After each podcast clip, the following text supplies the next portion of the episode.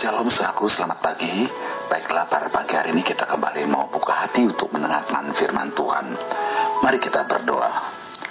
Tuhan Yesus pada pagi ini kami mengucap syukur untuk semua yang telah engkau anugerahkan kepada kami. Kayak bersyukur sepanjang malam ini kami sudah beristirahat dengan cukup dan bangun dengan tubuh yang sehat. Biarlah Tuhan, saat ini kami mau mendengarkan sebagian daripada firman-Mu Biarlah firman Tuhan yang disampaikan oleh hambamu ini dapat bekerja sesuai dengan kehendak Tuhan, apa pun yang akan disampaikan supaya dapat menjadi berkat bagi kami semua. Kami mohon siapkan hati kami supaya kami menjadi pendengar yang baik dan dapat menerima firman disampaikan. Terima kasih Tuhan, kami sambut firman-Mu hanya dalam nama Tuhan Yesus. Haleluya. Amin. Puji Tuhan, saudaraku. Renungan pagi ini terambil dalam sebuah kisah yang terdapat dalam kitab Lukas pasal 2 khususnya ayat 43 saya bacakan sehabis hari-hari perayaan itu ketika mereka berjalan pulang tinggallah Yesus di Yerusalem tanpa diketahui orang tuanya Saudara, renungan pagi ini saya beri judul Hidup Berjalan Tanpa Yesus. Ada sebuah kisah dari kedua suami istri yang bernama Bob dan Jenis. Bob dan Jenis memiliki lima orang anak. Nah, bila mereka berpergian, si bungsu yang bernama Benjamin selalu tidur di bawah tempat duduk dalam minivan yang mereka miliki. Suatu ketika, ketika sibuk bersiap-siap untuk pergi ke suatu tempat, mereka berbelanja ke pasar swalayan dan mengatur anak-anak. Selesai berbelanja, mereka lupa menjemput Benjamin yang berdiri di luar pasar swalayan itu. Sepanjang perjalanan, mereka mengira bahwa Benjamin sedang tidur di tempat spesialnya, yaitu di bawah tempat duduk belakang mobil mereka. Sementara itu, setelah menunggu kira-kira satu jam, Benyamin akhirnya mulai bertanya-tanya, mengapa orang tuanya tidak datang-datang? Lalu ia masuk kembali ke dalam pasar swalayan dan memberitahu petugas di sana tentang masalah yang dihadapinya. Lalu kemudian manajer toko tersebut menghubungi polisi dan akhirnya Benjamin dijemput oleh polisi dan seterusnya diantar ke rumah orang tuanya.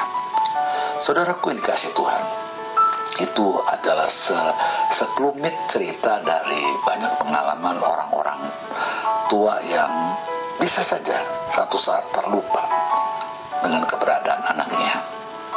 Ada kisah di mana seorang suami pergi ke swalayan dan selesai dia pulang dan lupa untuk menjemput istrinya. Demikianlah ada banyak kisah-kisah orang terlupa atau tertinggal dengan orang-orang yang pada mulanya bersama dengan mereka. Nah, kisah itu juga terjadi di dalam kisah yang baru kita baca dalam kitab Lukas pasal 2. Yaitu di mana Maria dan Yusuf pergi ke Yerusalem untuk merayakan Paskah saat itu. Pada waktu itu usia Yesus baru 12 tahun. Nah, rupanya mereka terbuai oleh kemeriahan dan kesibukan perayaan itu. Faktanya adalah Kemudian Maria dan Yusuf berangkat pulang ke Nazaret tanpa menyadari bahwa Yesus tertinggal. Baru berjam-jam kemudian mereka sadar bahwa Yesus tidak ada.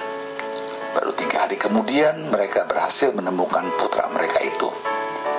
Maria dan Yusuf pasti merasa sangat takut pada waktu itu dan mereka memarahi Yesus karena berjalan-jalan sendirian. Saudaraku sebagai orang tua, saya merasa kisah ini benar-benar sepertinya mengherankan. Bagaimana mungkin orang tua dari anak Allah sampai tidak tahu bahwa anak mereka hilang? Namun saudaraku kisah ini juga menggambarkan betapa mungkinnya kita semua juga menjadi terlalu sibuk sehingga kita terus berjalan tanpa menyadari bahwa sesungguhnya Yesus tidak ada lagi bersama dengan kita sangat mungkin saudaraku baik kita untuk berjalan menjauh dari persekutuan dengan Yesus bukan? Jangan biarkan hal itu terjadi pada saudara. Saudara ketahuilah bahwa Tuhan rindu bersekutu dengan kita setiap hari karena ia mengasihi kita. Hari ini Mari kita bertanya kepada diri kita sendiri. Apakah Yesus masih mendampingi kita dalam kegiatan kita sehari-hari? Atau sesungguhnya Yesus sudah lagi tidak bersama dengan kita?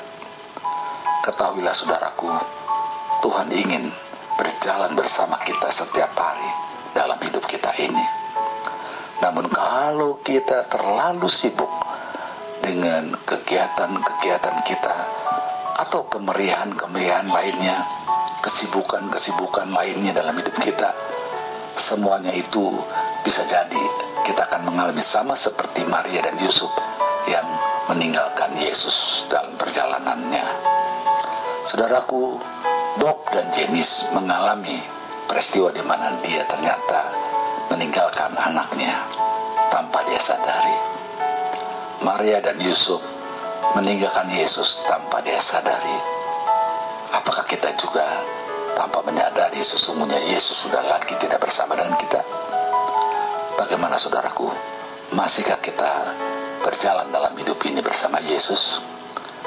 Biarlah renungan hari ini akan kembali mengingatkan kita supaya jangan sampai kita berjalan tanpa Yesus. Mari kita berdoa. Bapa kami yang di surga, pada pagi hari ini kami telah mendengarkan sebagian daripada firman-Mu.